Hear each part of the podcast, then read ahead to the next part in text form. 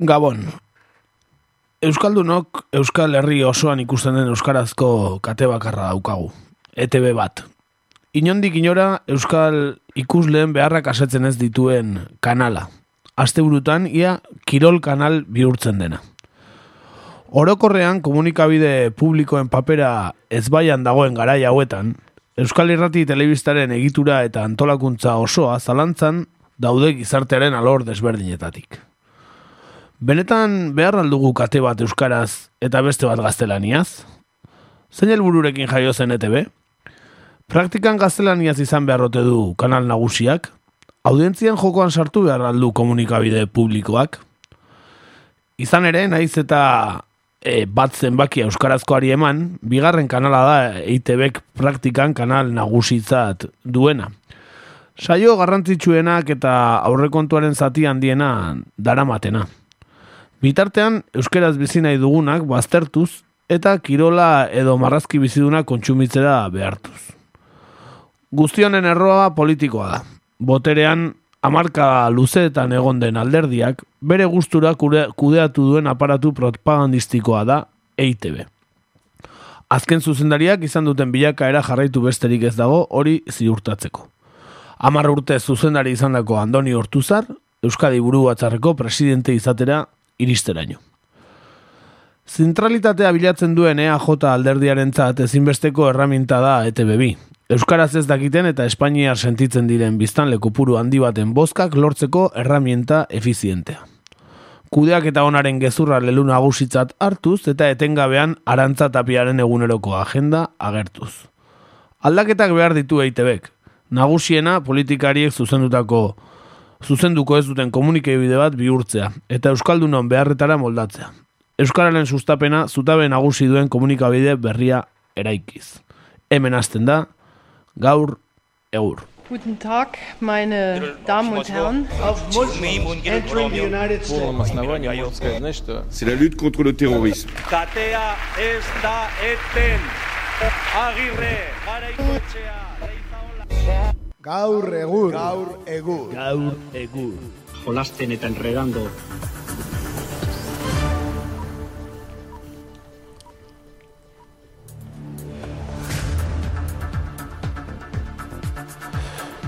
Bera, hemen gaituzue beste astalen batez, e, kakaintzon estudioetan, urteko azkeneko aldiz, eta ba, bueno, ba, oikoa den bezala, edo askotan gertatzen den bezala, ba, gaurkoan ere arazo teknikoak e, ditugu, ditxosozko interneta eta abar, bueno, eguneroko ogia irrati honetan, eta ba, urtea bukatzeko, ba, nola ez, ba, ba berdina, arazo teknikoak.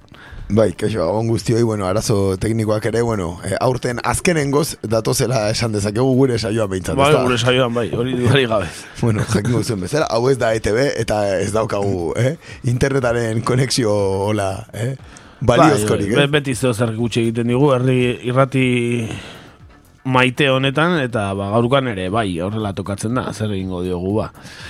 E, komunikabide eta egingo dugu gaur, e, Euskal Irrati telebistaz batez ere, e, izan ere, ba, bueno, aspaldi egin genuen e, irratsaioa zen, ba, ba, gauz asko daudelako, ete beri buruz hitz egiteko, eta, ba, gizartean daukan papelari buruz eh, hausnartzeko. E, lehenik eta behin, sare sozialetan e, inkesta bat bagenuen aurreko astean, eta kontua zenea, uste zuten gure entzulek, jaka horien mugimenduak muga pasa eta iparraldetik hegoaldea mobilizatzea lortuko zuela, Euskal Herrian iparraldean badaude mobilizazioak hegoaldean ez. Bueno, ba, entzulen euneko iruretan magustak uste du ez ez. Ez ez. Ez dala, ez dala kutsatuko iparraldetik hegoaldera. E, bajaka horien e, mugimendu hori. Gu beste galdera baukagu, e, urteko azkena den irratsaio honetan, ba, gabonak gertu ditugula aprobetxatuz, ba, olentzero zein euskal politikariri ekarriko ote dion ikatza edo ikatz gehien jakin nahi genuke. Eta, bueno, guk lau aukera jarri ditugu, baina beti bezala, ba, zuek beste dozein idatzi dezakezue. Lehenik eta behin Jose Ignacio Asensio pentsatu dugu ekartzea, ba, ikatza eta, bueno, errauskailua ekin pilpilean egon den gizona, ba, ikatza, bueno, gustoko izango du agian, ez? Erragai fosilak badirudi maite dituela. Bai, ke gizona da, ke gizona da. Bai. Alfonso Alonso, historiko bat, eta, bueno, ba, urtean zehar bastante hitz egiteko ematen duena, eta, bueno, ba, zergatik ez, ba, ikatza ekarrakioke olentzerok, ezta? Eta gero, bazken astean, e, polemika iturri izan diren aurre kontuetan, ba, agian, e, bi esponente nagusiak izan diren, amaialen hiri arte alde batetik eta Pedro Aspiazu bestetik, ez? E, aurre kontuak ez dituztela, bueno, ez dira da iritsi akordio batera, bata besteri errua botaz, bueno, ba, ea zein merezituen zein merezituen ikatz gehiago edo lentzerok zein erakarriko dion ikatz gehiago jakin nahi nuke eta ba, txiokatuko dugu orantxe eta ea zer dioen gure entzuleak. Aurrera. Eta bestetik, ba, ez errez, bertan gaurrekin hasiko garela segituen.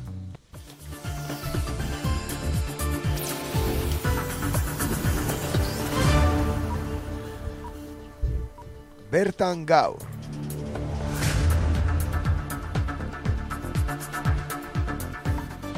Eta bertan gaur, ba, Euskal Irrati telebista ez dugu, ezta?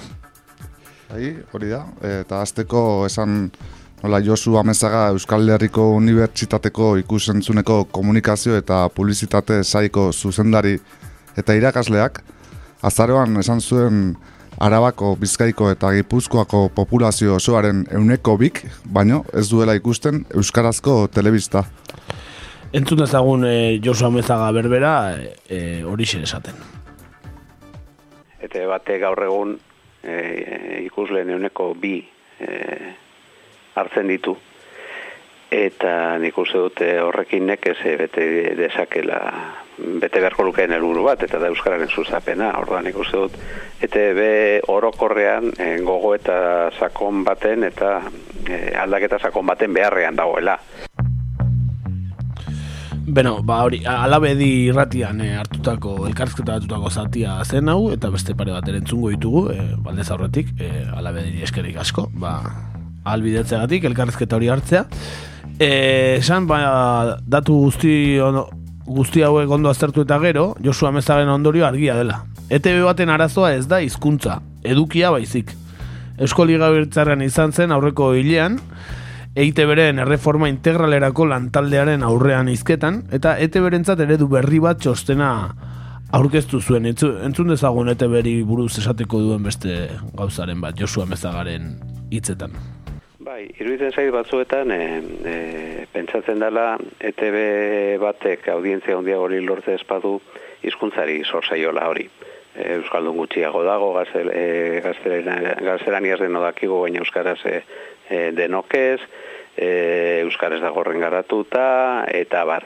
Eta orduan horri leporatzen zaio nire iritziz askotan e, ETB batek duen arrakasta txikia baina nik uste hori ez dela e, arrazoa, arrazoa ez dago hizkuntzan. Hizkuntzan e, egin daiteke beste dozi hizkuntzetan, euskaran egin daiteke beste dozi hizkuntzetan egin daiteke gauza berbera. Eta horren froga nolabait nik e, planteatzen dut irratiaren kasua. Euskaldunen artean gehien entzuten den irrati kana, e, kanala da e, Euskadi irratia euskaraz. Eta bigarren entzuten den e, gehien entzuten den kanala gaztea irratia da euskaraz ere bai. Euskal iztunen artean aldiz, telebistan, ETB ez da, ez lehena, ez bigarrena, ez hirugarrena. Datuek argi erakusten dute ETB bateko eta ETB biko programazioak ezberdinak direla oso. Sozialki, de facto kanal tematiko bilakatzeko bidean dira ETB bat eta ETB bi. Kantar mediaren datuen arabera, 2000 eta amazazpian, Kirol emankizunek ETB bateko ikuslekuotaren euneko berrogeita laukoma sortzi bete zuten eta ETB, ETB bi kateari dagokionez, ego euskal herrian ikus daitezken kateetan baino, dezente handiagoa da informazioaren pisua. Soik, TVek, oitala orduko informazio kateak ganditzen du horretan. Iaz, esan, informazioak ETB biko ikusle kuotaren euneko irurogei bete zuela.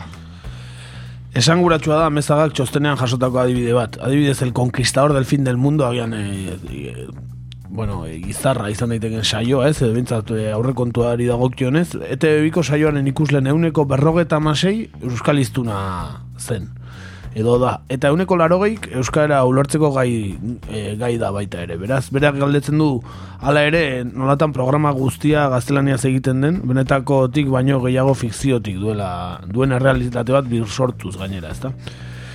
Amezagak e, uste du kanal bat hizkuntza paradigma gaindintzea funtsezkoa dela eta ba, bere beste azken hausnarketa bat ere ekarri dugu entzuteko. Bueno, ez nik lehenengo ezakite nahi dudan ETB bat. Nik horrengoz ETB nahi dut. eh, ez dakite bat, edo bi, edo hiru ez dakit zenbat kanal beharko diren. Nik ez dakite behar ditugun kanal generalista bi, orain dauden bezala, nominalki bederen generalistak praktikan zalantza gehiago daukat, edo, edo behar dugun e, kanal generalista bakarra eta gero tematiko batzuk, bat kirola beste informazioa, ez dakit. Hori, e, nik uste dut ezabidatu behar dela. E, nola egin behar den telebista bat erakargarria egiteko, bueno, pues aukera bat izan liteke horrein bi kanaletan e, egiten den esfortzua kanal bat, batean e, konzentratzea. Eh, Baliabide gehiago dira, e, diru gehiago da, aukera gehiago, gauza berriak egiteko, eta bar. Beste eh, aukera bat, orain demagun albistegiak. Orain albistegi bat daukazu euskaraz be- gabeko zortziretan, beste bat daukazu gaztelaniaz gabeko behatzietan. Euskarazkoa gelditzen da e, telebista ikusteko ohituren ordutegitik kanpo. Bueno, pues igual hori mugituta lortzen duzu, orain lortzen ez duzuna. E, hau da, jendea erakartzea horretara. Aldi berea mantendu behar duzu gaztelaniazko bat, ezakit, hori aztertu beharko litzateke. Aztertu beharko litzateke. Baina, bueno, mm, bolako gauzak egin daitezke. Zer egin daiteke Euskara ulertzen ez duen jendea erakartzeko? Bueno, azpitituluak baliatu daitezke. Azpitituluak beti iruditu zaizkigu guri, ezagit, ezinezko bezala, baina munduko herrialde askotan erabiltzen dira azpitituluak normaltasun osoz. Areago hizkuntza gutxituetan aritzen diren telebista batzuk, e, batzuek erabiltzen dituzte azpitituluak, hain zuzen ere hizkuntza ezagutzen ez dutenak erakartzeko. Hemen e, ETB bate gaur egun ez du bat ere erabiltzen, zero. E, orduan, e, ez da probatu ere egiten. Eta nik uste dut, e, aproba bederen egin beharko litzatekeela. Bueno, horraino e, Josua Mezagaren kortea geneukana, e, ala ere ETB-ri buruz e, gehiago jakiteko edo gehiago hausnartzeko, ba, elkarrezketa bat daukagu, e, telefonoaren beste aldean e, ia pres daukagu urtzi urkizu, berriako kazetaria, ala ere musika pixkat igoko dugu lehenik eta behin, ba, azken e, konexioak ondo egiteko eta berarekin hitz egiteko.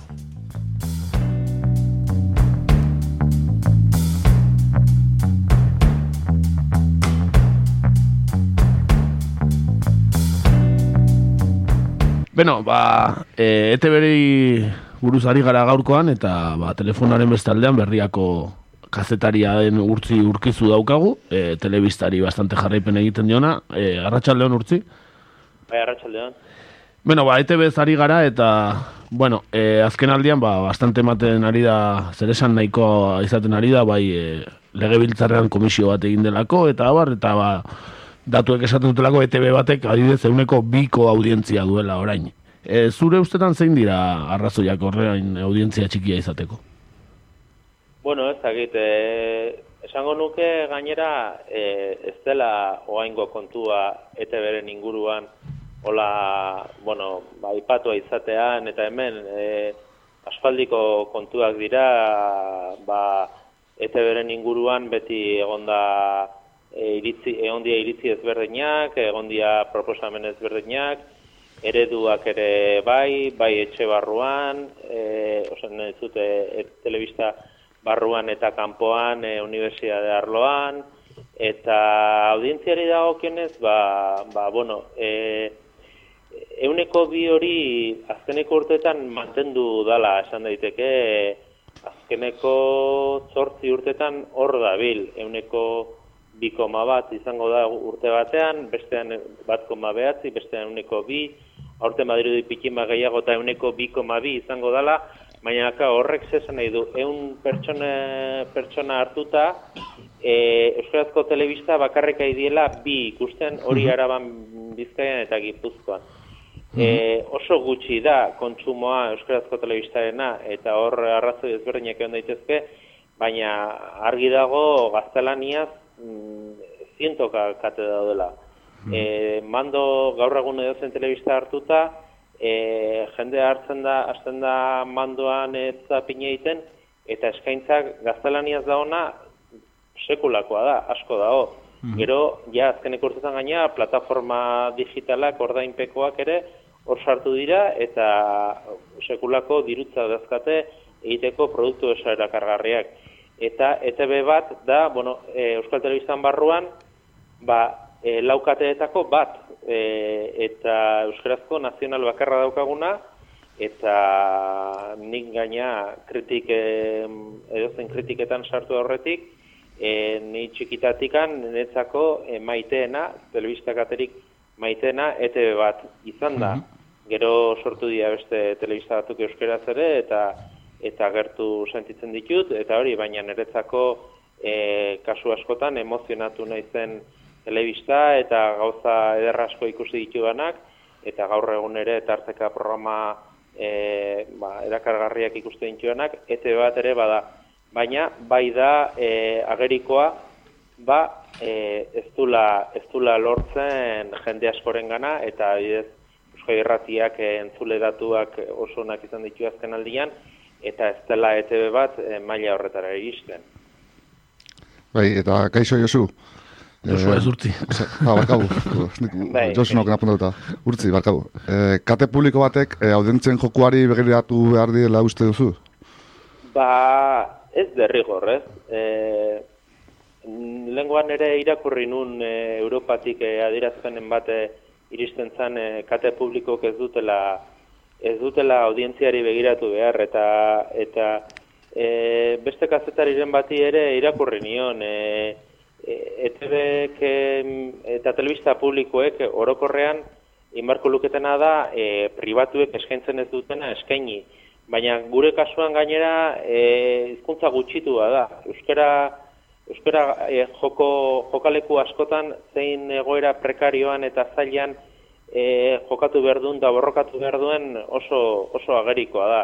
Orduan e, nik esango nuke ez ez, e, audientziei behira ez lukela egon behar ETB-ek eta ETB bik askotan behiratzen dio eta horregatik jartzen dute indarra, baina ETB koroar ez zait iruditzen e, audientzei behira asko jokatu beharko lukenik.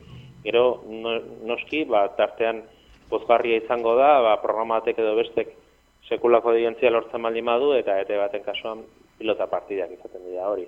Txapelketetako partidak hor euneko geitik gore egotzen dira, eta hor e, noski agerikoa dana da, e, euskeraz ulertzen dut, ez duten, euskeraz ez dakiten ikusle asko ere egoten direla pilota partida horiek ikusten eta bat. Bueno, kaixo, atxaldeon urtzi. Apa, kaixo, bai. Bai, e, bueno, Josu Amezagak legebiltzarreko komisioan, aurkeztu zuen txosten baten arabera, e, ETB biko ikusleen euneko iruro gehiatamabiak euskera zulertzen duela komentatzen zen. E, Orduan, ETB bat eta ETB biren artean, e, zergatik uste dezu dagoela horrelako desoreka bat? Audientzien artean, bat eta bestean artean, edo zein neurritan, edo baliabideak jartzen direla batean bestean baino gehiago? Bai, baliabideak. Bal, baliabideak, zergatik dauden baliabide gehiago ETB bin, ETB baten baino. Ba, e, ba, justu aipatu duguna audientziena, audientzia gehiago lortzen du ETB bik e, saio gehienekin ETB batek baino, eta hor e, neurri batean ere publizitate gehiago ere lortzen du bideo horretan eta publizitateko diru itur pikin bat handiagoa da e, ETB-rentzat e, gaztelaniazko katea euskarazkoa baino. Hala ere e, ikusita aipatu dugun ze testu inguru eta ze zailtasun dauzkan euskarazko edukiak e, ez bakarri telebistan gainera, beste prentxan eta bestelakotan ere e, aztertu genezake, baina e, agerikoa da te, Euskal Telebista publikoak ba, ETB batin, ETB baten jarri beharko lukela e, baliabide gehiago, ETB gaztelaniazkoan baino, baina e, haien e, ikuspuntua da, jen, askoz jende gehiago ikusten dula ETB bi, e, albistegietan oso agerikoa da, teleberriri ematen diote erabateko lehentasuna, eta horre ba, askoz jende gehiago ikusten dulako, eta orduan e, haientzat ba, ba, euskara eta euskaldunak gelditzen dira ba, bigarren maila batean, eta hori ere ez dut nik esaten, etxe barruan e, irakurri izan ditut adierazpenak, ba, Elisa eta Garmendiak esate baterako, dola urte beteko elkarrezketa batean, aipatu zuen dola, etxe barruan e, euskaraz ari zirenak sentitu izan dian ba, mespretsatuta eta erabat baztertuta, eta mimo guztia eta ba, diru guztia, baliabide guztiak izan diran gaztelania ze saioak egiten dituzten profesionalentzat. Bai, e, baita ere, oain, e, bueno, bai, ahots asko entzuten dira, ba, ETB aldaketa ba, sakona behar duela, edo berplanteo behar duela bere, bere proiektua, ez? Hala iruditzen zaiola jende askori. E, zuk uste zu, adibidez, ba, bi kate generalista horrela bat euskaraz eta ez da erdera ze jarraitu beharko lukela, edo agian beste era batera pentsatu beharko litzatekela ka, ba, kateen distribuzio osoa. Ba, em, bira, Josu Amezagarena, uste, beak egiten dituen irakorketa batzuk interesgarriak direla. Batetik, em, e, aipatzen zuen ez direla hain generalista baizik eta nahiko tematiko bihurtzen ari direla. Hau da, ETB bat oso kirolei lotuta, e, asteburutan kasi kirolkate bat bilakatzen da, herri txiki infernu handi eta e, ba, albistegi laburren bat kenduta. Eta goizeko meza, ez?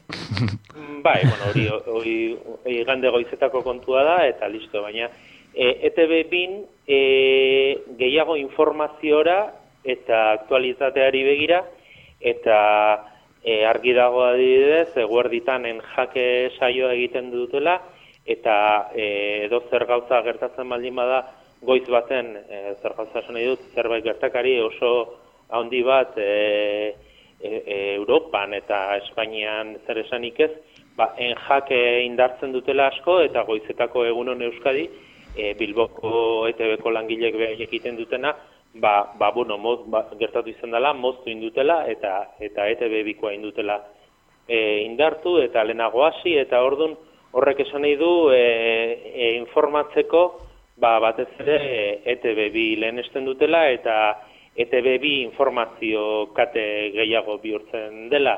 Orduan, e, generalista, bueno, ez dakit zein neurritan, baina hori, eta gero, e, bereizte hori, ETB bat eta ETB bi, esaten zuen Josu Metzak ere, e, ikusita gainera ETB biko asko direla Euskaldunak ikusleak, ba, azpidatziak ere erabiltzea ba, oso baliagarria izango litzateke.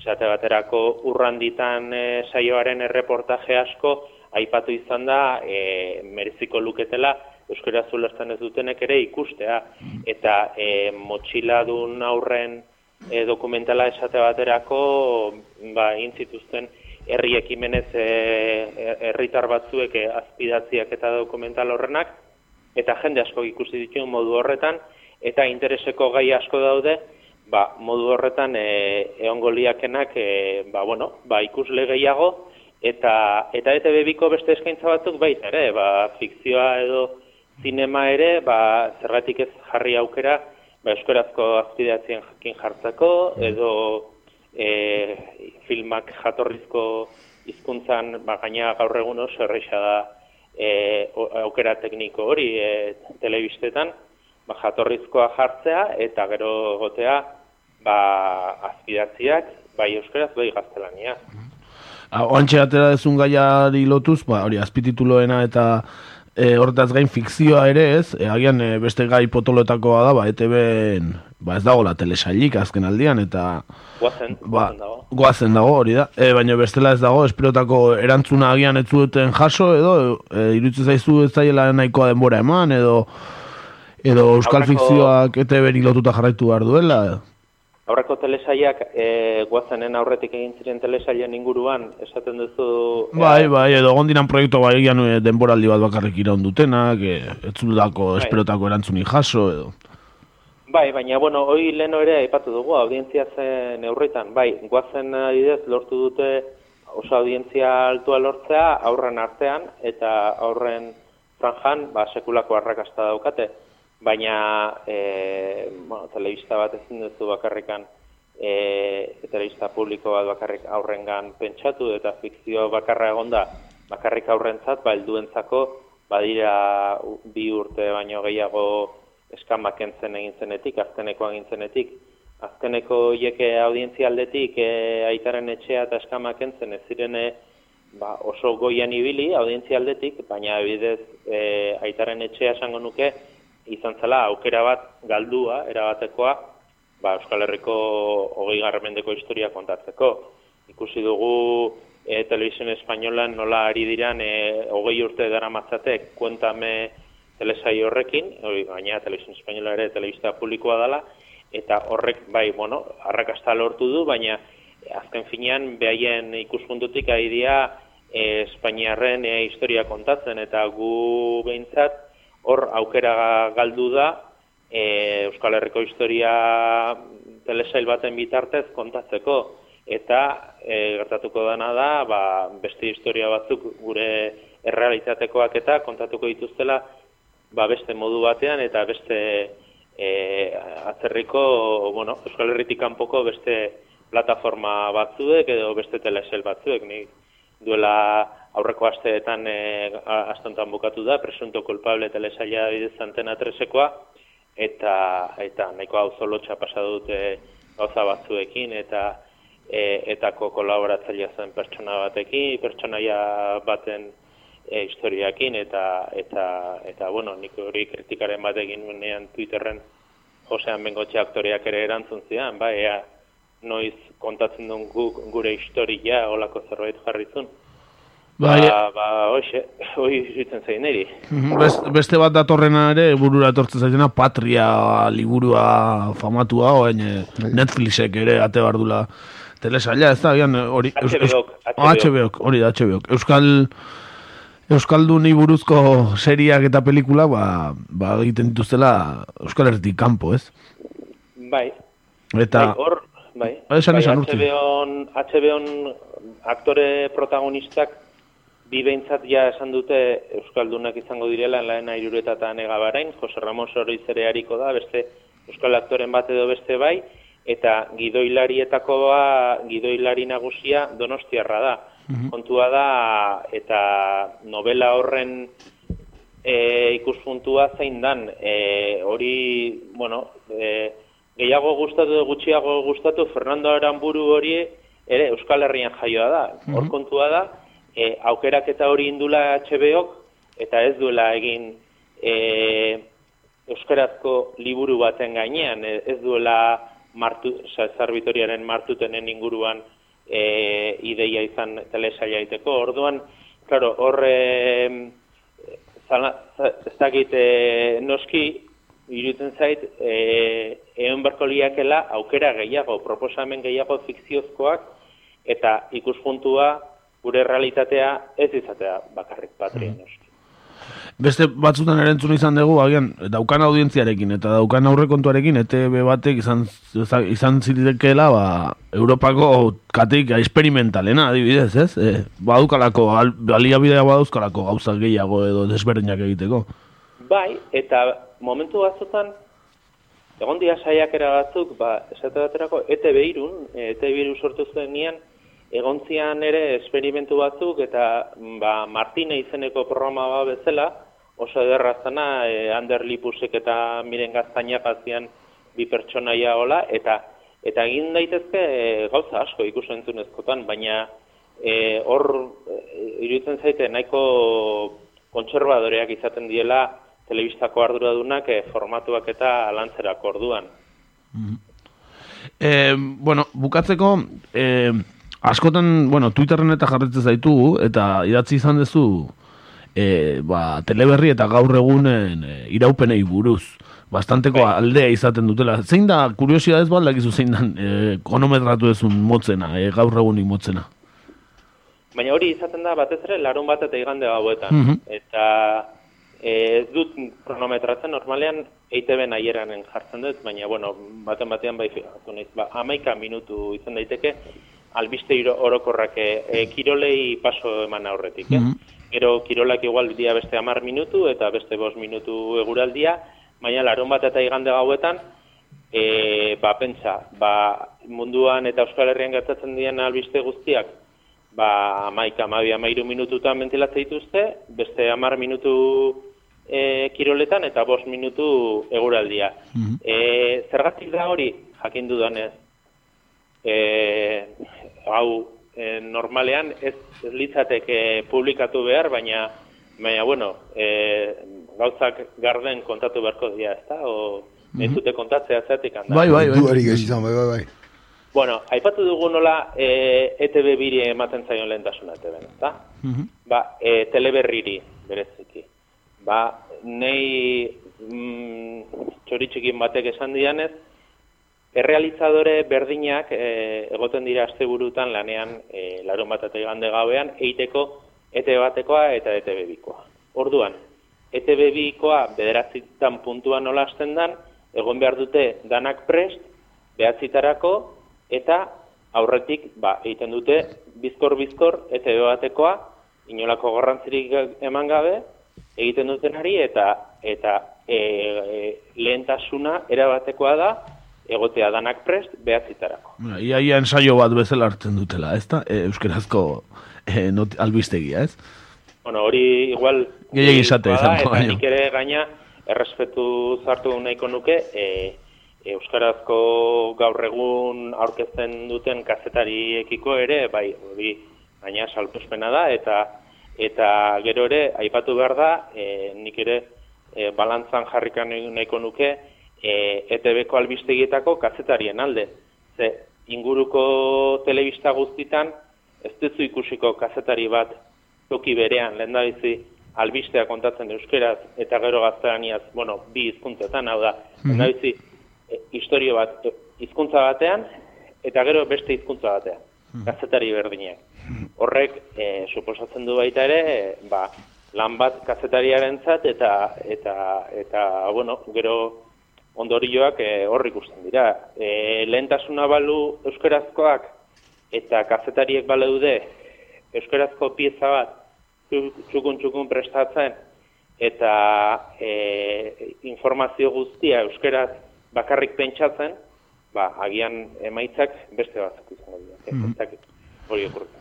Bueno, ikusi behar e, legebiltzareko komisio horrez zer ematen duen, eta ea, benetan e, aldaketak etortzen diran, e, ba, EITB, nez, e, Euskal Irrati Telebistan, eta ba, benetan Euskaldunon merezi dugun mo- moduko komunikabide bat dauk, publiko bat daukagun, ezta?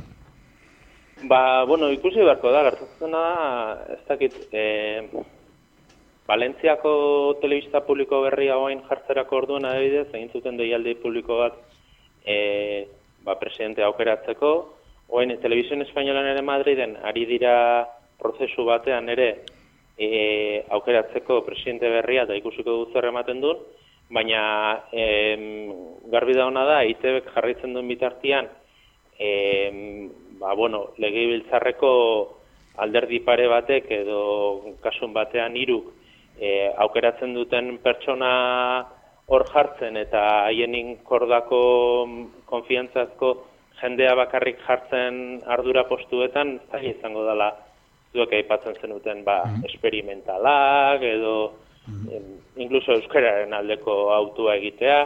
Orduan, e, izan barko luke telebista publikoak asko zere independienteagoa alderdi politikoetatik, eta hori adibidez Europako beste herrialde batzuetan, ipar, Europako iparraldean asko zere askago izaten dira alderdi politikoetatik, telebista publikoak eta bide hori izan barko litzateke, baina, klaro, hau ere legebiltzarreko e, lantalde bada, eta hor bost alderdi hoiek pixka bat e, bideratzen dute egin beharreko bidea, beraz ez dakit nik e, konfiantza asko izan berdan ere horretan. Bai, kurioso aipatzen zenunarekin, ba, e, ETB izan dituen zuzendari desberdinak nola gero politikan amaitu duten, ez? Asko guentzat. Bueno, eh, esanguratsuena Andoni Hortuzarrena da esate baterako eta eh, komentatzen diozunean Euskal Herritik kanpoko bati eh, Euskal Herrati Telebistako zuzendari nagusia 10 urte izan zana, orain da mala 10 urte EJ-ko arduradun nagusia idazkari nagusia izaten, ba, ba bueno, ba nahiko harrituta galditzen dira, beste kasu batzuetan ez, baina baina hala ere, bueno, mm, goi postu horietan egoten direnak, beti dira e, alderdi baten edo beste baten konfiantzazko pertsonak.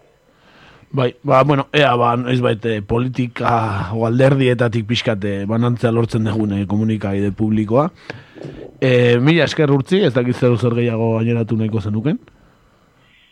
Bueno, ez, e, nik uste e, e, hartu behar dugula kontutan kritikaren bat edo beste egiterakoan nik lehen aipatu duana, e, ez dakite e, euskeraz daukagula oso eskaintza gutxi, eta, eta bueno, e, nik benetan hoi maitasun guztiarekin egiten dudala kritika, irutzen zedalako e, tresna oso indartsua dela e, Euskal Telebista, e, bai herritar bezala eta euskara euskal zale eta euskaldun bezala eta nahiko nituzkela ba, eduki ba, erakargarriak ikusi euskeraz e, telebistan. E, zindegulako tokiko telebistek dakaten baliabide gutxiekin e, aurre egin eta eta bueno, denok ordaintzen ditugun zerregekin e, baldin badadu alako aurrekontua e, EITBek eta mila langile baldin badaude, pues, nahi dugu, ba, bueno, e, gero emaitza bat ere e, ona ikusi, baina hori e, baita ere beste komunikabideetan, ni e, komunikabide baten lanean eri naiz eta ez ditugu gauza guztiek ere ondo egingo eta kritikak jasotzeko ere prest gaudela. Eta kankin zonari ere, pues, egunen baten igual, eh eingo dio emango diego egurra Twitterren edo. Bueno fres gaude baita jasotzen. gare urti hortako gare. Erantzuteko ere baukago almena oso ondo. Nota komikoa jartzearren esatea gaurko gaur egurra gaur eguna baino luzeagoa izango dara urtzi Ba, ez dakil luzatu hain, luzatzen hain espixatu. oso ondo, oso ondo. Bale, ba, ba mila esker urtzi, ba, urrengor arte, egin, o sea, jarraipen egingo dizugu oraindik ba, Twitterren eta berrian, ea, ba, ga, gai guzti hau ba, interesatzen zaigulako, eta, ba, bueno, agian beste batean, e, e, ba, berriz ere deituko zaitugu. Mila esker. Ba, zuei eta urrengo arte. Mila esker urtzi, urrengo arte. Agur. Vale,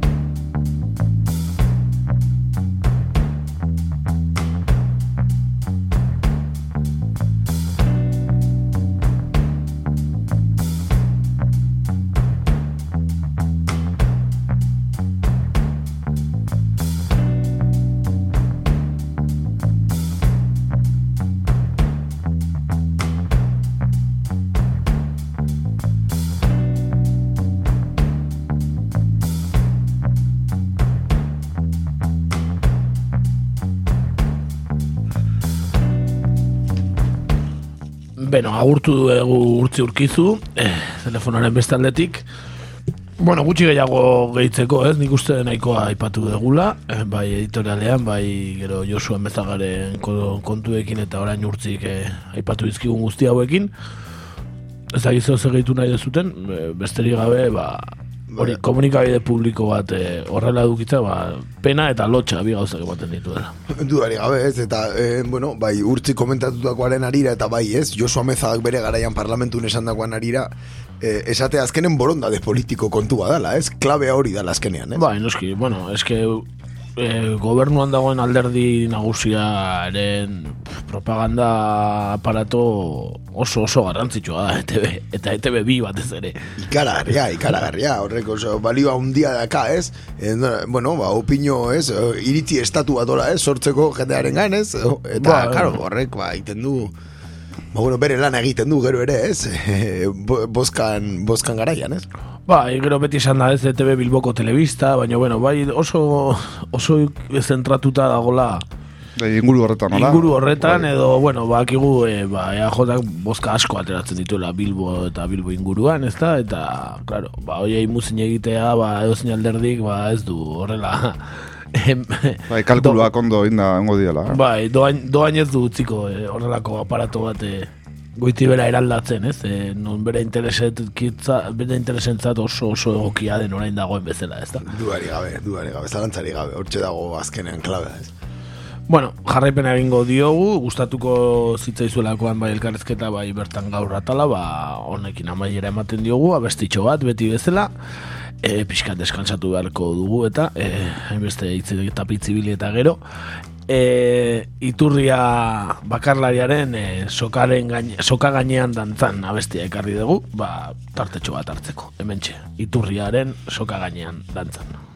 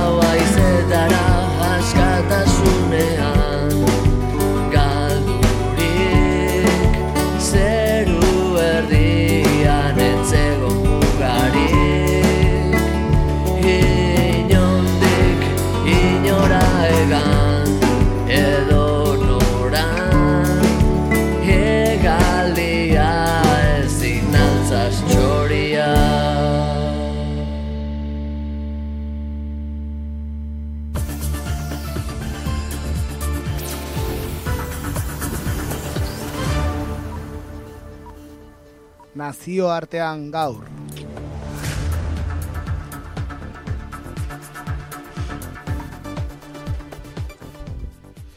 Bueno, ba, beti bezala, eh, pasatzen gea gure nazioarteko atalera, eta gaur kontan, eh, bueno, atal hontan, eh, azken urtetan mundu oso eh, zehar agertu diren joera autoritarioen inguruko analisi bat egiten saiatuko gea, e, geroz eta indar gehiago hartzen ari den fenomeno honi, ba, zentzu bat bilatzeko, Noam Chomsky, pentsalari eta aktivista estatu batuarrari egindako elkarrizketa bat hartuko du guardatz. E, bueno, Noam Chomsky klaro gehi urte beteko dituen hontan analisi zuzen eta globala egiten du beste behin ere.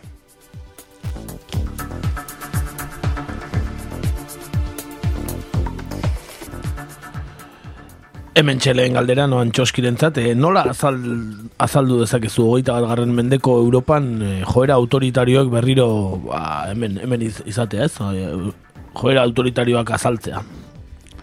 Egia da, panorama politikoa nahiko komplikatua dagoela. Gaur egungo egoera sozial eta politikoak, enlarriak ez badira ere, bere garaian Antonio Gramscik espetxe Mussoliniar baten idatzitakoa ekartzen digute gogora. Zarra dena hil egiten da, eta berria dena ezin da jaio. Inframundu honetan, gertaera morbidoak bata bestearen atzetik azaltzen dira. Morbidotasun horren sintoma, bat da autoritarismoaren beregarpena. Garrantzia handiko kontu hau eztabaida publikoaren atentzioa jasotzen ari da. Eta atentzio publikoa handitzea beti izaten da seinale bat. Boterearen interesek sortzen aldute interes hori gehiengoaren atentzioa faktore garrantzitsuetatik desbideratzeko kezka orokorrak plazaratuz? Hala uste dut nik. Eta autoritarismoaren berragerpenaren inguruan mintzatu aurretik, eztabaida publikoaren aldetik atentzio eskasa jasotzen ari diren hainbat kontu atera nahiko nituzke. Bila da demokrazia liberalaren instituzioak eta balioak gutxitan bezala erosotuak, erasotuak izaten ari direla, baina ez bakarik buruzagi autoritarioen gatik, eta ez lehen aldiz ganera. Suposatzen dut, ados egongo garela, demokrazia liberal baten oinarria, gobernuek boten maien aurrean erantzun politiko bat ematean dagoela esaten dudanean. Hala ez balitz, demokrazia liberala txantxa bat izango litzateke. Tamalez, hala dela demostratu da. Zientzia kontemporaneoak erakusten digu boto emaileen gehiengoak ez duela aukeratutako ordezkarietan bere burua ordezkatuta ikusten. Ordezkari hauek hainbat ahots entzuten dituzte.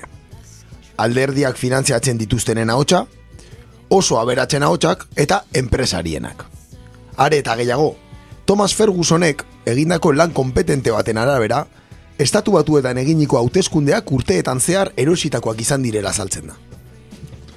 Gertara hauek ondo erakusten dute estatu batuetako autoeskundeen kontestuan, Errusiaren balizko interferentzien inguruan sortu den ezin egona, balore kapitalista eta ez demokratiko batzuen inguruan eraikitako adoktrinamendu baten ondorio izan zela.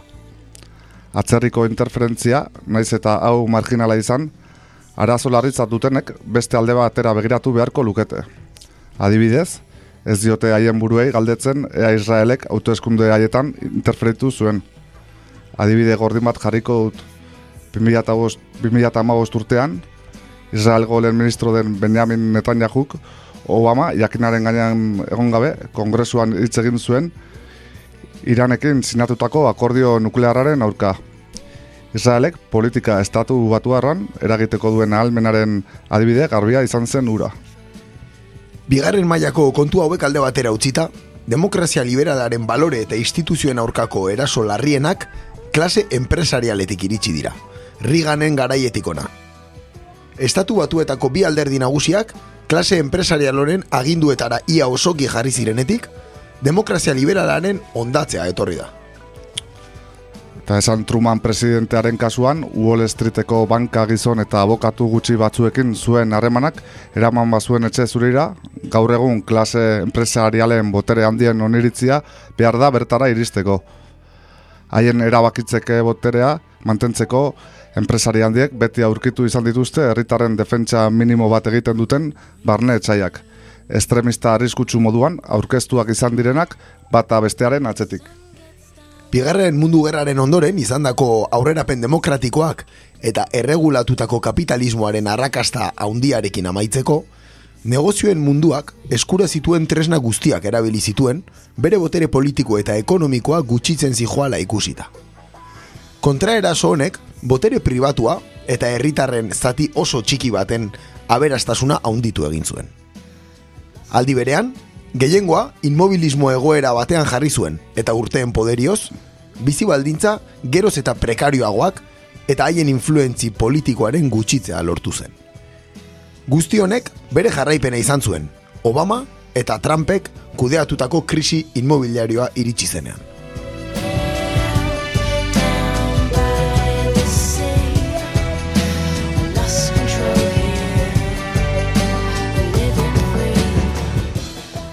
Bigarren galdera noan txoskirentzat.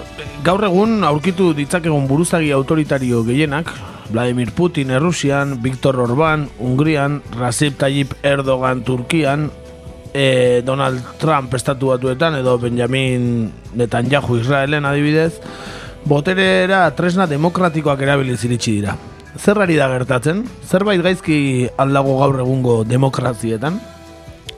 Mendebaldeko demokrazien kasuetan haien gainbera konstatatu beharrean gaude. Honek, bizitza duin bat izateko ideia zuzenean erasotzen du. Sistema politikoa, botere pribatuaren eskuetan, are eta gehiago erortzen ari baita. Giza beharren inguruan, sistema politikoak duen kontzientzia minimoetara iritsi da hortaz. Bigarren mundu gerraren osteko lehen amarkadetan joera sozialdemokraten aurka, izandako eraso neoliberalaren ondorio naturala da, gertatzen ari dena.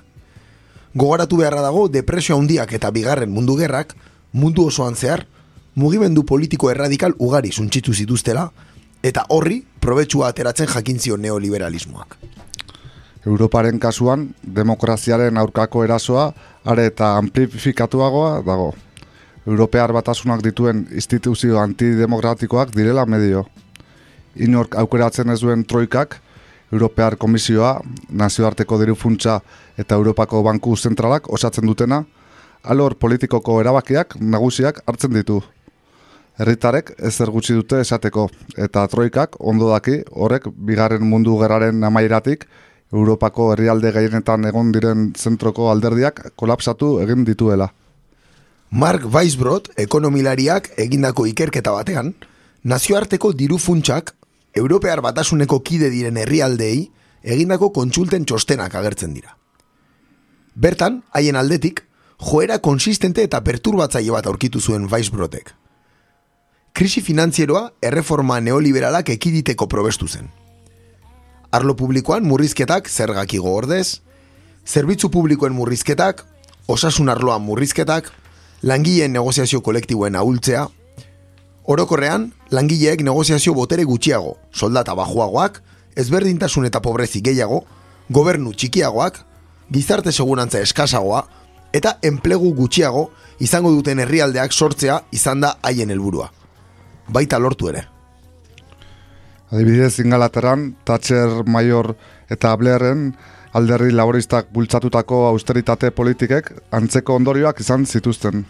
Bestalde, Korbinek bultzatutako mugimenduaren aurka daudela, establishment laboristak eta baita Britaniandoko komunikabidek argi erakutsi dute. Bestalde, Errusiari erreparatuz, Chomskiren iritziz, Putin begirune honez ikusten dute herritar askok, baina krimeatar gehienek ere. Baita krimeatar gehienek ere barkatu. Errusian Sovietar batasuna erori ondoren, eta estatu batuak bultzatutako merkatu erreforma gogorren ondorengo krisi ekonomiko larriaren ondorioz, milioika lagun miseriara kondenatu, kondenatu eta oligarkia estatuaren aberastasunaren jabe egiten zen bitartean, Putin ondamendu hori, ondamendi hori zuzentzeko irtenbide gisa ikusi dute Errusiarrek, Chomskiren iritziz. Israelen kasuan, eskuineko koalizio nazionalista erligiosoare ezaguna zaigu. Netan jahuri mehatxuare eskuinetik datorkio, ultraortodoso eskuindaretik hain zuzen ere. Palestinaren mila bederatzen duen da zazpiko gazaren okupaziotik eta asentamentuen programa hasi egoera okertu baino ez da egin. Bai, Israelen eraso militarrak jasan behar dituztelako alde batetik, eta inengo disimulori gabe, xenofobia eta rasismoan oinarritutako estatu bat eraikitzen ari direlako. Turkiaren ere kasu berezia da, Chomskiren arabera. Larogeita margarren amarkadan, Turkia kurduen aurka bereziki gogor oldartu zen. Eundaka mila kurdu hil zituzten. Milaka eskualde eta herri mapatik ezabatzeraino.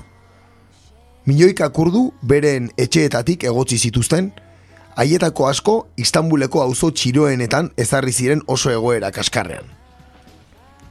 Krimen gogor hauen laguntzarik handiena Washingtonetik etorri zen orduan ere. Clintonek eman zizkien armak Turkiarrei, eta armen salmenta flusua igotzen zen krimen kopuruen proportzio berean. Chomskiren arabera, garai hartan ere oso gutxi informatu zuen nazioarteko komunikabidek, naiz eta denek Turkian bulegoak izan. Turkiar intelektual talde garrantzitsu bat, non hainbat idazle, editore, kazetari eta bar zeuden protesta ekintzak hasi zituzten Turkiar gobernuaren aurka.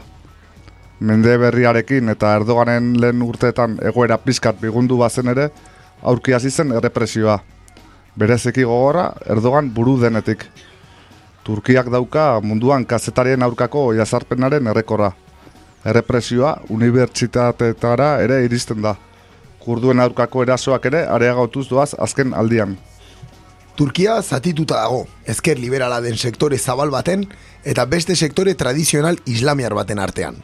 Eta Erdoganek azken hauen babesa du islamiar kutsuko estatu autoritario gogor bat eraikitzeko. Egoera oso da gogorra Chomskiren iritziz. Bai krimen gogorrengatik eta baita Turkia orain gutxi arte ekialde eta mendebaldearen arteko zubi ekonomiko eta kulturala izateko esperantza zegoelako. Eta Ungariaren kasuare berezia da. Bai kultura eta linguistikoki berezia da. Eta badauka iragan ilun bat fasismoarekin eta nazismoarekin lotura astua izan zutelako Ungariarek. Azken urteotan, mendebalden, men- mendebalderantz aldegin eta populazioaren berakada handiak eta refusatuen krisiaren ondorioz sortu den egonozina dela eta Orbanek gidatutako mugimenduak etekenia atera dio egoerari. Eta Hungaria salbatu bezalako esloganak eta balio tradizionalak oraipatzen dituzte, simbologia xenofobo eta fasistak oraipatu dituzte.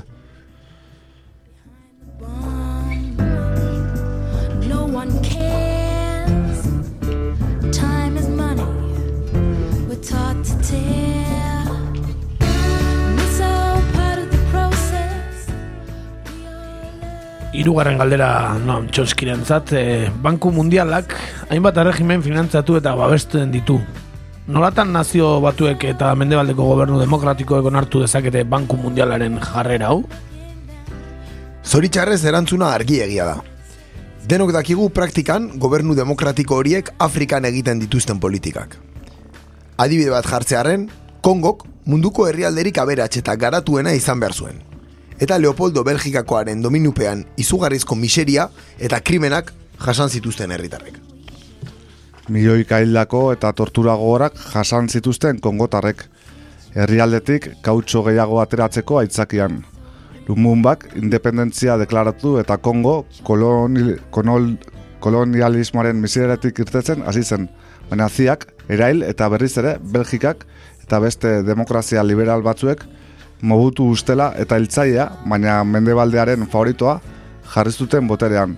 Eta egun Kongone, Kongoren mineral preziatuak multinazionalen esku daude. Mendebaldeko demokraziek erregimen autoritarioak sustengatzen dituztela gauza argia da, Chomskyren iritziz.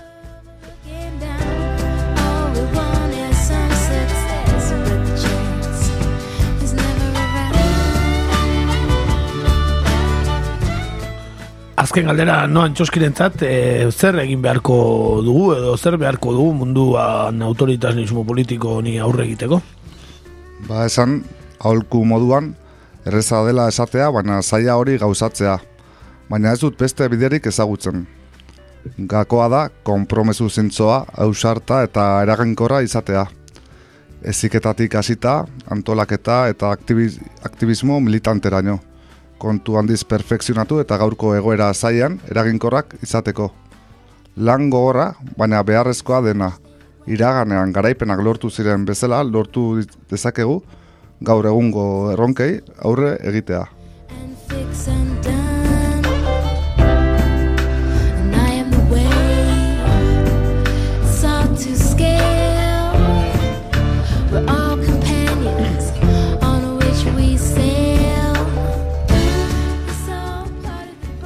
Beti bezain zorrotz, Noam Chomsky, eta, bueno, repaso latza egiten dio munduari, bai potentzia handienei, bai ba, autoritarismo berri hauei, baino baita demokrazia liberal honi ere, ez? Zalantzari gabe, ez? Beti bezain argia, ez? Noam Chomsky bere analizitan. Eta, eta bueno, beti, ez? E, nola historia erabiltzen duen gaur egungo egoera ulertzeko, ba ezinbestekoa delako, ez? E, gertaera batzuk aipatzea gaurko egoeraraino iristeko. E, gero ere, ba bueno, ez, nahiko anekdotikoa geldituko da, baina sekula entzun ez ditugun e, e, erregimen turkiarra, edo, ez, erregimen israeldarra, edo erregimen estatu batuarra, ez, telebistan inoiz entzuten ez dien terminologi horiek ere, ez, ba, ba hor daude, ez. Bai, Bai. gau- gauza garbi zate ditu, eta Erregimenak beti dira aurkarienak, ez da? Hala izaten da toki guztietan. Ez zalantzari gabe, ez? Baina bai, e, bueno, demokrazia liberal honek gainbehera edo pixkat aurrik ikusten da, ez da, badirudi. Ez, ba, bai autoritarismoa gaientzen ari direlako edo ba, agian e, demokrazia liberal honen sustengu nagusia diren sozialdemokratak e, ba, gainberan doazelako baita ere. Zalantzari gabe, eta hor badago, ez? Sozialdemokraziaren proiektu politiko horren porrot argi bat, ez? Historikoki azken hogeita mar edo berrogei urtetan batez ere, ez? Europan egon diren joera hoien e, porrota argi eta garbi dago, ia Europako herrialde guztietan, ez? Beraz, bueno, horren... Agian e, Euskalduna gera eustepzioa eta ezker erradikaletik sozialdemokraziara salto egiten ari gara. Be, besteak e, alderantziz ari direnean. Bai, hemen kontrako bidea eramatea nahiko ohikoa izaten da, eta honetan ere uste dut horrela izan dela, ez? Bai. Eh, gogoeta baterako momentuan badagoela dem, sozialdemokrazia uste dut, eta bestalde batetik hor dagoela, ez? Autoritarismo finantzieroa, ez? Deitzen zaion hori, ez?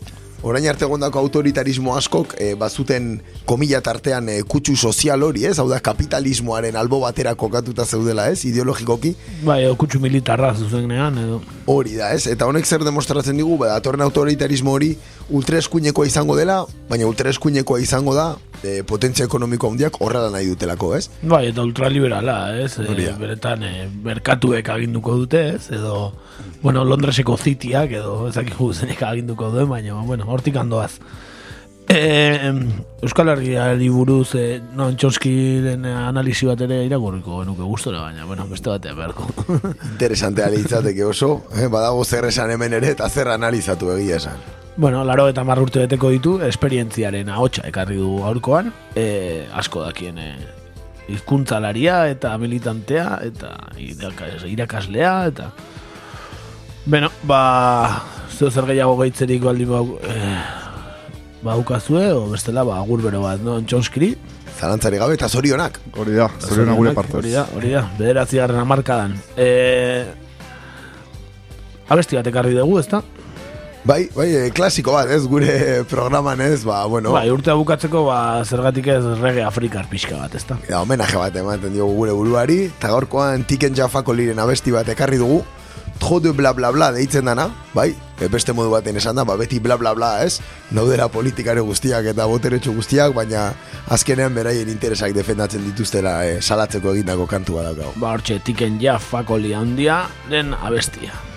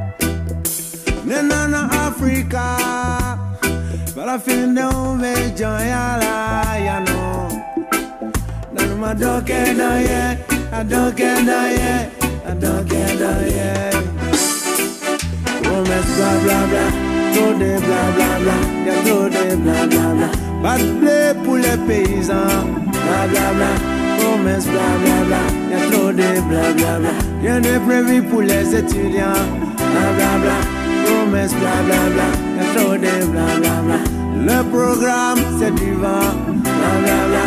Promesse bla bla bla. Y'a trop de Allo ele Farafina masalwa Naluma wuliwa Naluma wuliwa Mwana benamfa Trop de blabla. J'entends trop de blabla Et tout ce qu'ils racontent Tout ce qu'ils me disent Moi je n'y crois pas. Natal America Farafunye Joyara Netala Italia Farafunye Joyara Nenana Africa Farafinde Ume Joyara Ya no Nanma doke da ye Kadoke da ye Kadoke da ye Promesse bla bla bla Trop de bla bla bla Y'a trop de bla bla bla Les faux discours sur l'éducation bla bla bla Promesse bla bla bla Y'a trop de bla bla bla Ils ont jamais trouvé de solution bla bla bla Promesse bla bla bla Y'a trop de bla bla bla Tout ça c'est de la fiction bla bla bla Romans, bla bla bla, jag trodde Alla Willy, alla fina massor Nagma Willy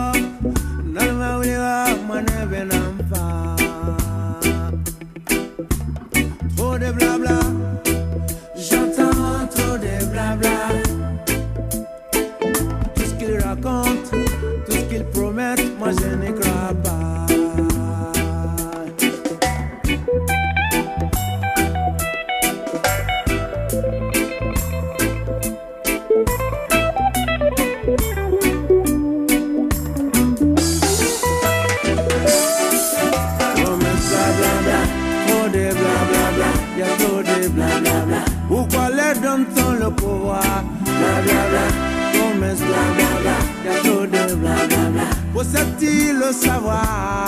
Bla bla bla, promesse bla bla bla, y a trop de bla bla bla. La jeunesse vit dans le désespoir. Bla bla bla, promesse bla bla bla, y a trop de.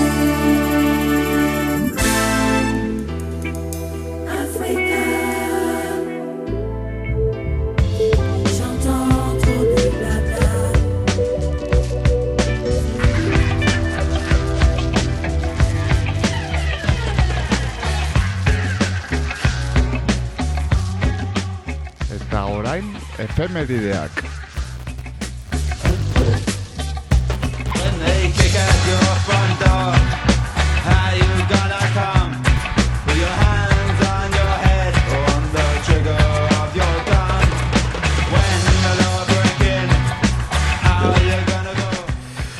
Guazen ba efemeridekin. Aurrera, e, bueno, abenduaren amaseitik hasiko gea, eta mila bederatzireun da hogeita garren urtean, Manuel Azaña, buru duen Espainiako Frente Popularra, sortzen da, errepublikarrak, sozialistak, komunistak eta euskal abertzaleak batuz.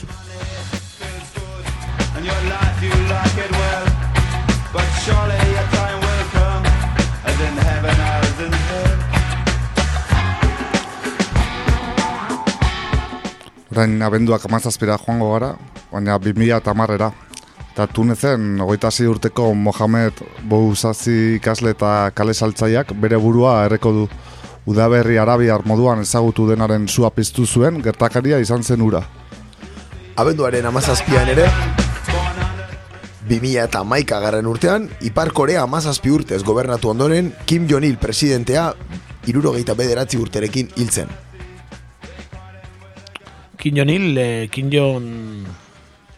Unen aita. Hori da, bere aita, bai, 2000 eta maika. Mina da maika, nori da. Kim Jong-unen aurrekoa. Hori da. Ez aitona, aitona zen. E, Kim Il-sung. Kim Il-sung. Bai, ez, hau ja, e, hori, sagako bigarrena zan, eta orain, ba, bueno, irugarrena dago, e, bere semea dago orain boterean, Ipar Korean. Hori da.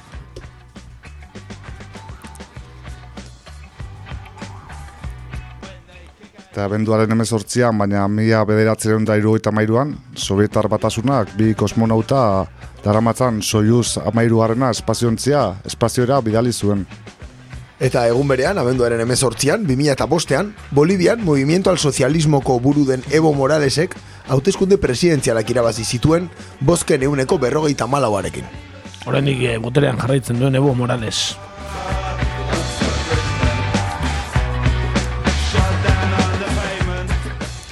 Eta abenduaren emeretzian, baina 2002an, Juan José Moreno Cuenca, elbakia, bezala izen ez ezau- ezagutzen duguna, berrogeita bi urte zituela hil zen. Egun berean, abenduaren emeretzian, baina 2000 eta maseian, denok gogoratuko duzue, Turkiako hiriburu den Ankaran, Andrei Karlov, Errusiaren basaorea, tiroz erail zuen Oh, bai. Turkiako poliziaren uniformea, zeraman gizon batek. Bai, bai, egia, egia. Bideoan eta... Grabatu zen, ez? Bai, bai, nahiko impactante tiro, tiro intzion, bai, eh, Rusiako embajadore. Eta hor hola gauzan, eh? Hor...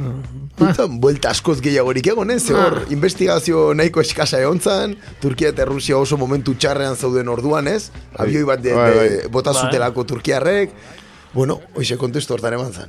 Takit kasogik emango zuen berria, edo... zer izango zen. Bai, kaso gire goian bego, eh?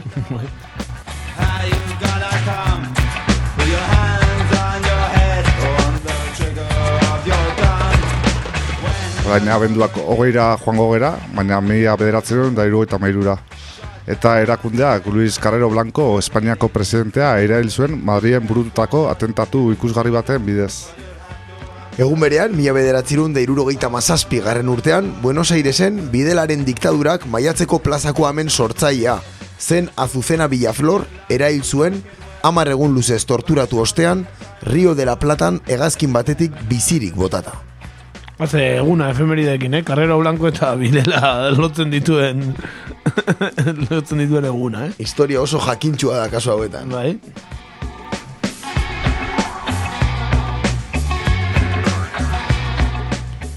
Orain, abenduak hogeita batean, baina mila bederatzeren da lehenengoan, historian lehen aldiz Norvegian emakumek udala hauteskundetan parte hartu zuten.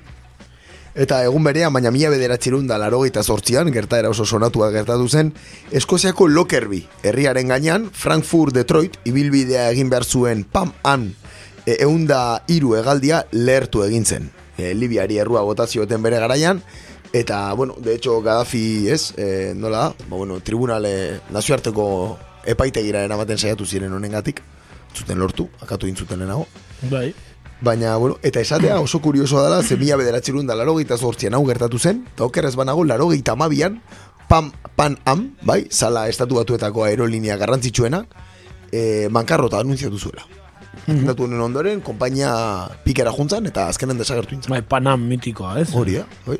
Bai. Laro gehi, ez? Laro garren ul amarkadako pelikulatan askotan agertzen dien egazkinak, ez? Bai, bai, Ja, beti, gauza ez? askotan. Bai. no, uf, Akoratzen naiz bat, eh, Leonardo DiCaprio pasatzen dala piloto, eta ez, ez dala timadore bat, o, ez, zer da, no? Bai, bai, bai, bai, sonatzen dit pelikula, Hola, bai. eh, Personalidade desberdinak eh, dauzkan gizon bat, o. Bai, hola, bipolarra bezala, ez, holako asunto bat, ez? Bai, horkoare, bai, bai, oso mitikoa Panam, bai. Ba, hoxe gaurko efemeridak, urren urtean gehiago, ez da? Hori da, bilatuko ditugu. Hori da, eta, ba, efemeriden ondoren, sare sozialak.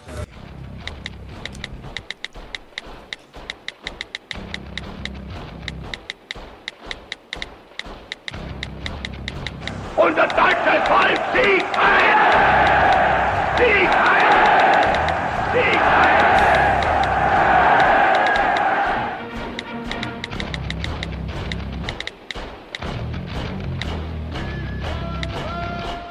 Badatoz SSA.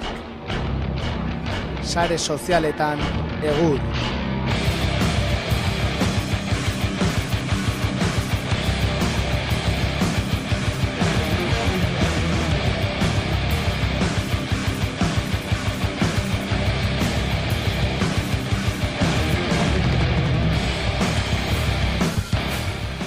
Guazen basare sozialekin, e, lehenik eta behin, e, e, bueno, ETB izan dugu izpide, e, gaurkoan, ez da? Eta ETBek badu beste gauza bat garaia hauetan asko egiten duena, eta da ETB maratoia.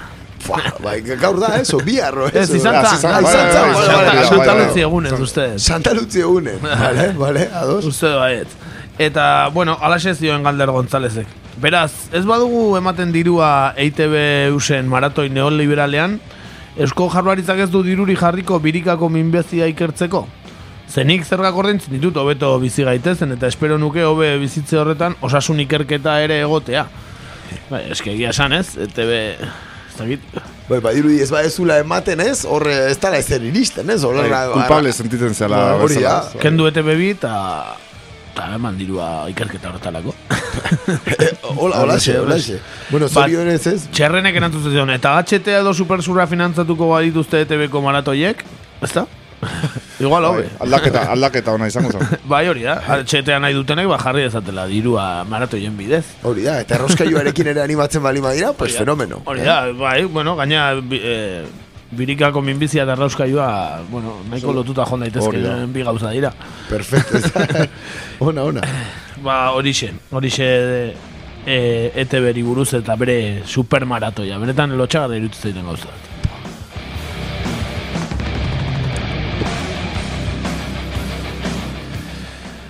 Beste gauza o, kontu bat aste honetan pilpilean egondana, ba, aurrekontuen kontu izan da, ez? E, PNV eta Bildu, EH Bildu eta EAJ, ba, ez dirala akordeora iritsi, zergatiko ote, zeinen gara... Ze, Zeinek daukan erruan, hor galduko ditu da. pentsionisten Hori da, bozkak. zeinek eh? galduko du, kontu honetan, bueno, Iñaki Petxarroban berriako kazetaria golazioen. Zortziron da berretan zortzi euroko gutxieneko pentsioa bermatzeko, gobernuak hogei milioi euro behar zituela esan du EH Bilduk. Euskal Y-aren kilometro baten eraikuntzari kien zieza joken diru hori, eta oraindik erdia geratuko zitzaion. Bitu erresa gala, eh? Beraz, e, gauza batzutako ez dago, ez dago dirurik, e, ez da ez da e, jaurlaritzaren eskumena, pentsioen kontua, eta ez dakiz zer, eta badakiz zer, baina gero abia durandiko trenen kilometro bat egiteko hori baino gehiago gastatzen dute. Ai, e, pentsionista Euskal Herri, ez? Bueno, Euskal Autonomia Erkidegoko pentsionista guztien dirua laizter ikusiko dugu antzolako irteratik bergarako sarrera. Hortxe gongo dira pentsioa kolgauta. Hori da, hori da, Eh? hori da. Baina, bueno, pentsio dunek ere bidaiatu beharko dute trenean, ez? Bilboti donostia eta donostiti bilbora, jo, ze, haizu, dana ezin da. Ma- manifetara guteko eta hala. Hori da, hori da. Pentsioen aldeko manifesta juteko hartu beharko dute handia abiadura handiko trena, ez? O, barikakin, eh? Barika pasatuko dute eta horrea, ez? Tena egia da. marine.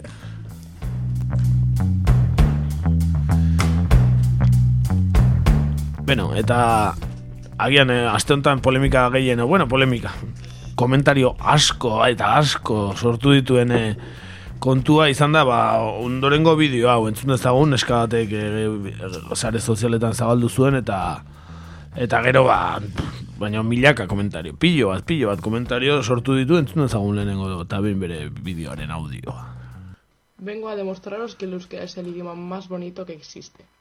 Por ejemplo, en euskera no decimos parir, decimos serditu, que es algo así como dividirse por la mitad. En euskera no existen las abuelas, existen las amonak, que son como buenas madres.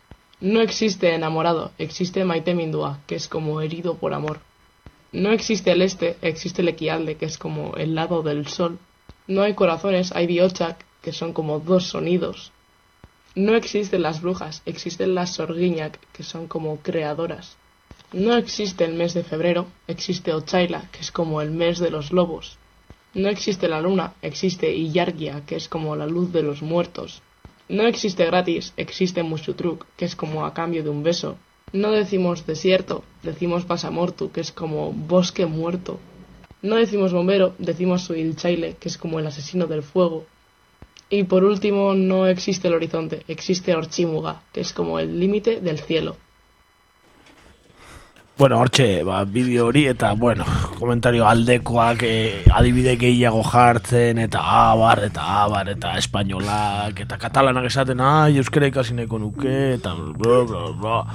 Pillo bat, eta pillo bat. Barkau, eh? Faltatu zaio, aquí café se dice bake. Faltatu zaio, Barkau, eh? Eta gero baia hasi dira beste batzuk, ba, adibidez, gorka bereze hartuak. Eh, en euskera no decimos tal, decimos no sé qué con unicor unicornios fosforitos. Utzi euskara erromantizatzeari eta erabili gehiago, hostia, esate zuen, ez? Eta, bueno, ba, gehiago jundia batzuk hortik, hortatik, ez? Edo, urtzile honeten hau, en euskera no decimos sol, decimos eguzki, que es más o menos se traduce como ano del cielo. Ja, adarra jotzen, ez, danak. Horrela habilidad, Don Michel Larregea en euskera no decimos, y decimos en- no decimos Y, decimos ETA, ¿no? No decimos I, decimos ETA, pero no digas I think it's beautiful que te empapelan. Eh, Juan Luque, en euskera no decimos oficina de empleo, decimos batzoki, que significa enchufe gordo. Bueno, horrelako, baina pillo bat eta pillo bat komentario gondi estontan. Xavi Zabalbiden, azken hau ekarri da. En euskera es el idioma más bonito que existe porque no decimos pesado pesada, decimos astun, que es también el nombre de una estación de esquí que hay en Jaca. Bueno, ba, milaka komentario atera dira eh, hor, bideo hortatikan, ez da? Agia esan, bueno, ba, nahiko txatxukeria galanta, ez? Baina, bueno. humore, humoreakin, jendeak humore askorekin. Eta askoz gehiago zeuden, eh? Askoz gehiago zeuden. Hombre, ia da ez alde batetik, ez? Gauza ederrak azpimarratu nahi badituzu bestetik ere horrelako norkituko dituzula, eh? Ez Bai, bai, noski, noski, noski. Era bat, era bat. Beno, ba, sare sozialekin amaitzeko, ba, inkesta daukagula, arroba gaur egurren e, Twitterren, eta zen, ba, olentzer, olentze, olentzerok zein eskal politikarire ekarriko dio ikatza edo ikatz gehien, agian ikatza nahi ekarri beharko die. Bai, ezagitik katz nahikorik egongo den, eh? Bai, bai, agian e, zentral termiko bat egiteko lain, bai. E, ba, horrengo zeuneko eunarekin Jose Ignacio Asensio, errauskailuaren gizona, errauskailuman e, irabazten, euneko eunarekin. Ez da Euskaro, Eusko barometroak ere, ez zion emango, horrem ez da. Bai, bai, bentan, Ya lo eh, creo, ya lo creo, eh? benetan po popularra da gizona. benetan, era Gure enkestako MVP-a, eh? Bihurtu da. Hori da. Beno, ba, besterik ez, e, gure urteko azken irratsaioa izan da, e, mi esker egoteagatik entzule, fin-fin, eta, ba, datorren urtean berriro fin-fin etorriko gara, horrengo, ze, irailetik ona, amarri irratsaio egin du, urritik ona, ez du kalerik egin, e, zubirik edo ez baza mentzate daneta etorri gara, eta urrengo urtean, eh, hola, hola jarraitze pentsatzen dugu. Zalantzari gabe, ez, hementxe egotea espero dugu urren urteari begira, eta oraingoz, ba, bueno, e, urtarriaren zazpian, ez, entzungo gara berriro. Hori da, hori da, urtarriaren zazpian hemen egongo gara, eta, bueno, azken e, kuriosidade bezala entzule jakintzazu, ba, e, el gato alaguaren oso fanak geanez, ba, guk gaur e, ardo pixkateaten e, egin degula irratsaioa, eh? e, el gato alaguan egoten dian bezala, e, bat partxe eta guzti etorri zaigu, ez? Bai, bai. Begian partxea jarrita. Partxeko gizona dio, bezala vive el vino, eh? Laizten hasiko gea besoa, eskuin besoa altxatzen, A punto holako, gara, gara, a cara al sol, gara. holako, baina, bueno, oraingo ez ez. Eh, Eguzki, eguzki. Eguzki, eguzki, eguzki. Cara al sol. Eguzkiari eh, begira. El, el ano del cielo y tal. Eh, bueno, eh, ba, oso ondo, ba, hori zan guztia. Azken abesti batekin agurtzen gara, eta datorren urtera arte. Hori da. Urte berri box, da noi? Urte berri box, eh, DNI, eta, bueno, ba, ondo pasatux. Eh? Hori da, hori da. Hori da, urte ondo amaitu eta hobeto hasi. Hori da, ba, Argentinako bakarlari mitikoa dekarri dugu, Atahualpa Yupanqui eta bere los ejes de mi carreta. Así que, datorren urtera arte. Gaiztok izan. Agur.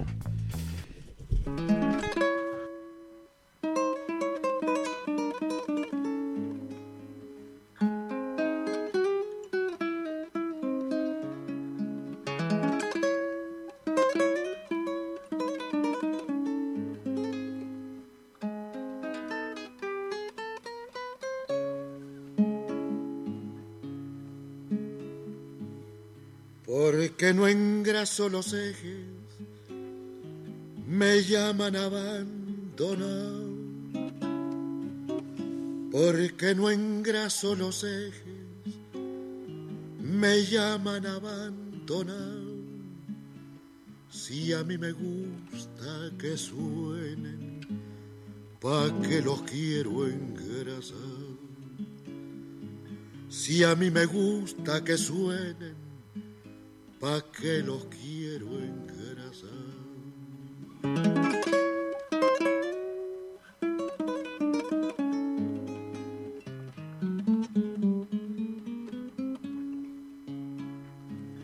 Es demasiado aburrido seguir y seguir la huella. Es demasiado aburrido seguir y seguir la huella. Demasiado largo el camino sin nada que me entretenga.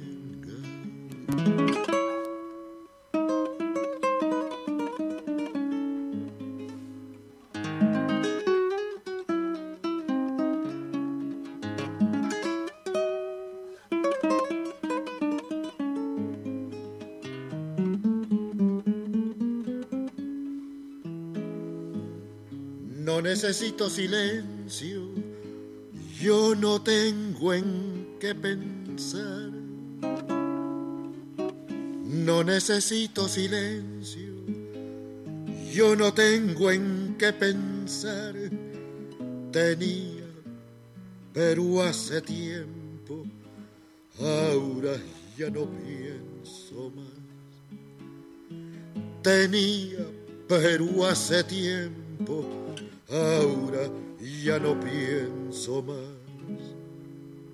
Los ejes de mi carreta nunca los voy a encontrar.